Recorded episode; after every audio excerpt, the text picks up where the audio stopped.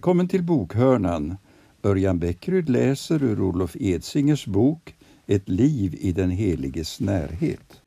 En angelägen bön för oss alla bör vara att Gud ska få förvandla våra tankar så att de hålls sysselsatta med allt som är sant och värdigt, rätt och rent, allt som är värt att älska och uppskatta, allt som kallas dygd och förtjänar honom. Detta är citat ifrån Filipperbrevets fjärde kapitel. Ytterligare en variant på detta tema är att undvika oheliga allianser. Paulus skriver till församlingen i Korint. Gå inte som omaka par i ok med dem som inte tror. Vad har rättfärdighet med orättfärdighet att göra? Eller vad har ljus gemensamt med mörker? Vilken samstämmighet har Kristus med Beliar? Eller vad kan den som tror dela med den som inte tror? Vad kan Guds tempel ha för gemenskap med avgudarna? Vi är den levande Gudens tempel, för Gud har sagt, jag ska bo hos dem och vara bland dem och vara deras Gud, och det ska vara mitt folk. Därför säger Herren, gå ut ifrån dem och skilj er från dem och rör inte vid något orent. Även på denna punkt tenderar vi i Sverige att överskatta vår egen förmåga. Inte minst det faktum att eh, ryggmärgsreflexen för de flesta av oss är att rynka på näsan när vi läser dessa versar är ett tecken på detta. En vanlig form av allians där det ofta har visat sig att den kristna parten blir mer påverkad än den icke-kristna är äktenskap mellan troende och icke-troende. Utan att fördöma de kristna som kanske efter stor vånda har valt att gifta sig med en person som inte delar deras tro är det uppenbart att ett sådant beslut får stora konsekvenser. Paulus skriver därför till Korinterförsamlingen En kvinna är bunden så länge hennes man lever men om mannen dör är hon fri att gifta sig med vem hon vill, bara det är med en kristen. Förutom dessa olika råd som säkert kan väcka både tveksamhet och förtjusning hos oss vill jag tillägga att skriften varnar oss för att ha vår trygghet i materiella tillgångar. Jesus varnar i liknelsen om sådden för att låta världsliga bekymmer, bedräglig rikedom och begär efter allt annat neutralisera effekten av hans ord så att det blir utan frukt.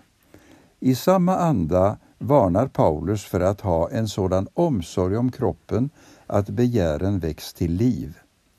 Den bästa hjälpen för att genomskåda lögnen att allt är tillåtet så länge jag har råd tror jag är att vinnlägga oss om enkla vanor.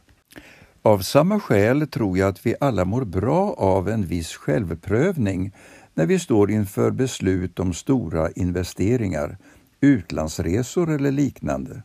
Inte för att dessa saker skulle vara fel i sig, utan för att vi hela tiden behöver hålla frågan levande. Är det jag just nu står i begrepp att betala för ett bra sätt att förvalta de tillgångar som Herren har gett mig? Även små ekonomiska beslut kan för övrigt vara värda att begrunda.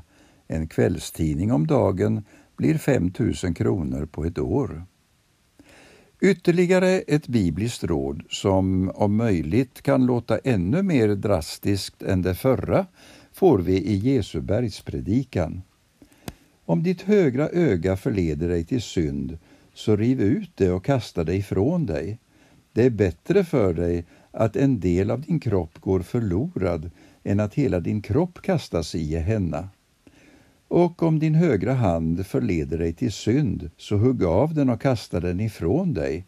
Det är bättre för dig att en del av din kropp går förlorad än att hela din kropp hamnar i Gehenna. Exakt hur dessa ord från Herren ska tillämpas är inte självklart, men tydligt är ändå att Jesus utmanar oss till ett osentimentalt förhållningssätt till synden. Både Guds ära och vårt eget eviga väl kan påkalla drastiska åtgärder om vi märker att vi riskerar att bli syndens slavar. Ett konkret exempel skulle kunna vara det jag var inne på under punkt 3 att i vissa lägen undvika människor och miljöer som vi märker förleder oss till synd. Ett annat exempel skulle kunna vara Jesu ord till den rike ynglingen vars kärlek till pengar stod i vägen för hans möjlighet att leva som Jesu lärjunge. Vill du vara fullkomlig, gå och sälj vad du äger och ge åt de fattiga, då kommer du att ha en skatt i himmelen. Kom sedan och följ mig.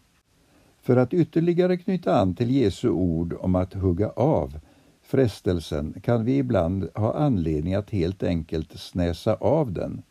Både till frestelsen och frestaren kan vi behöva säga Du har ingen makt över mig. Jag är friköpt genom Jesu blod. Jag är död från synden och jag lever för Gud. Eller som teologen Agne Norlander formulerar det hela. Du ska inte vänta på och be om att bli förlöst utan tacka Jesus Kristus för att han har förlöst dig. Du ska inte be om kraft utan tacka för den kraft som den uppståndne Jesus Kristus har och som verkar i dig.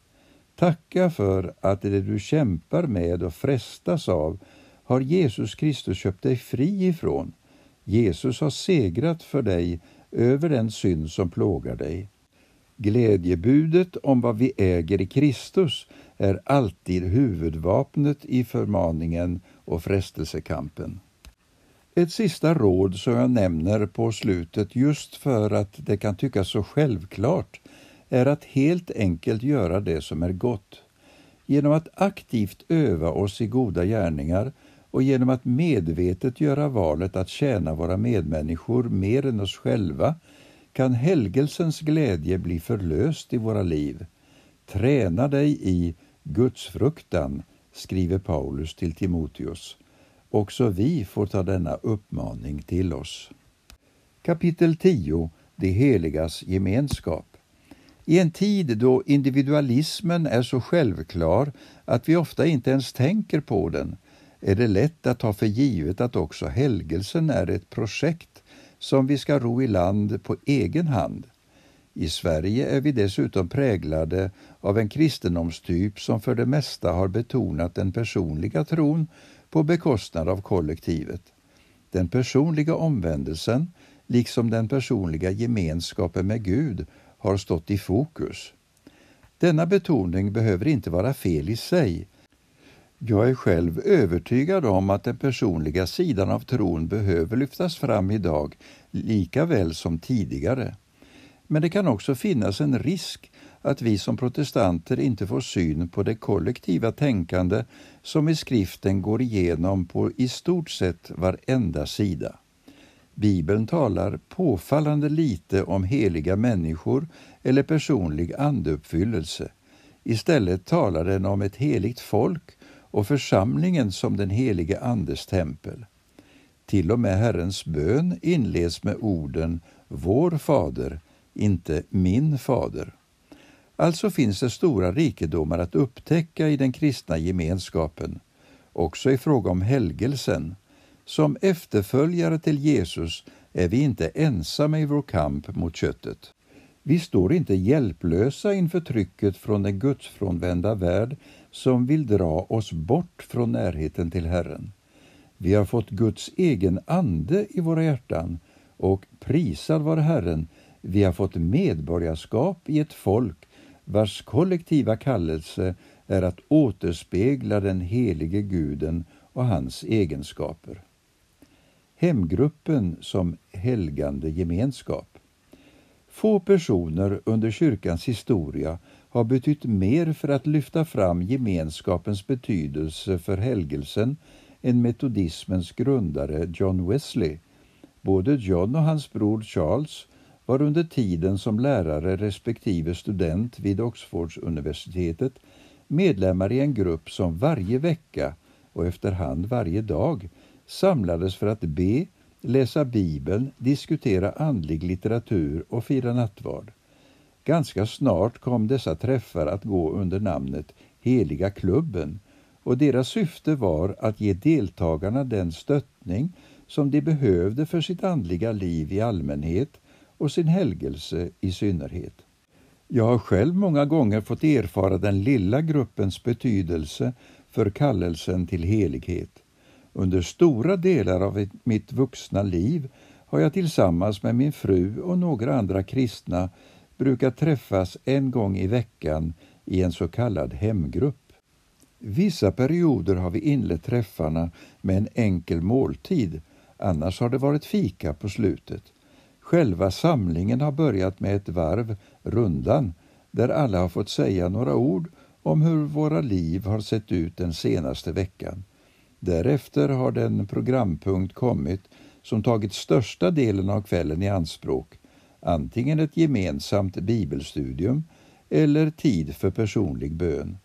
Detta har varit upplägget i grova drag, men det har inte varit mer uppstyrt än att samtal har kunnat dyka upp antingen i början, mitten eller slutet av en samling.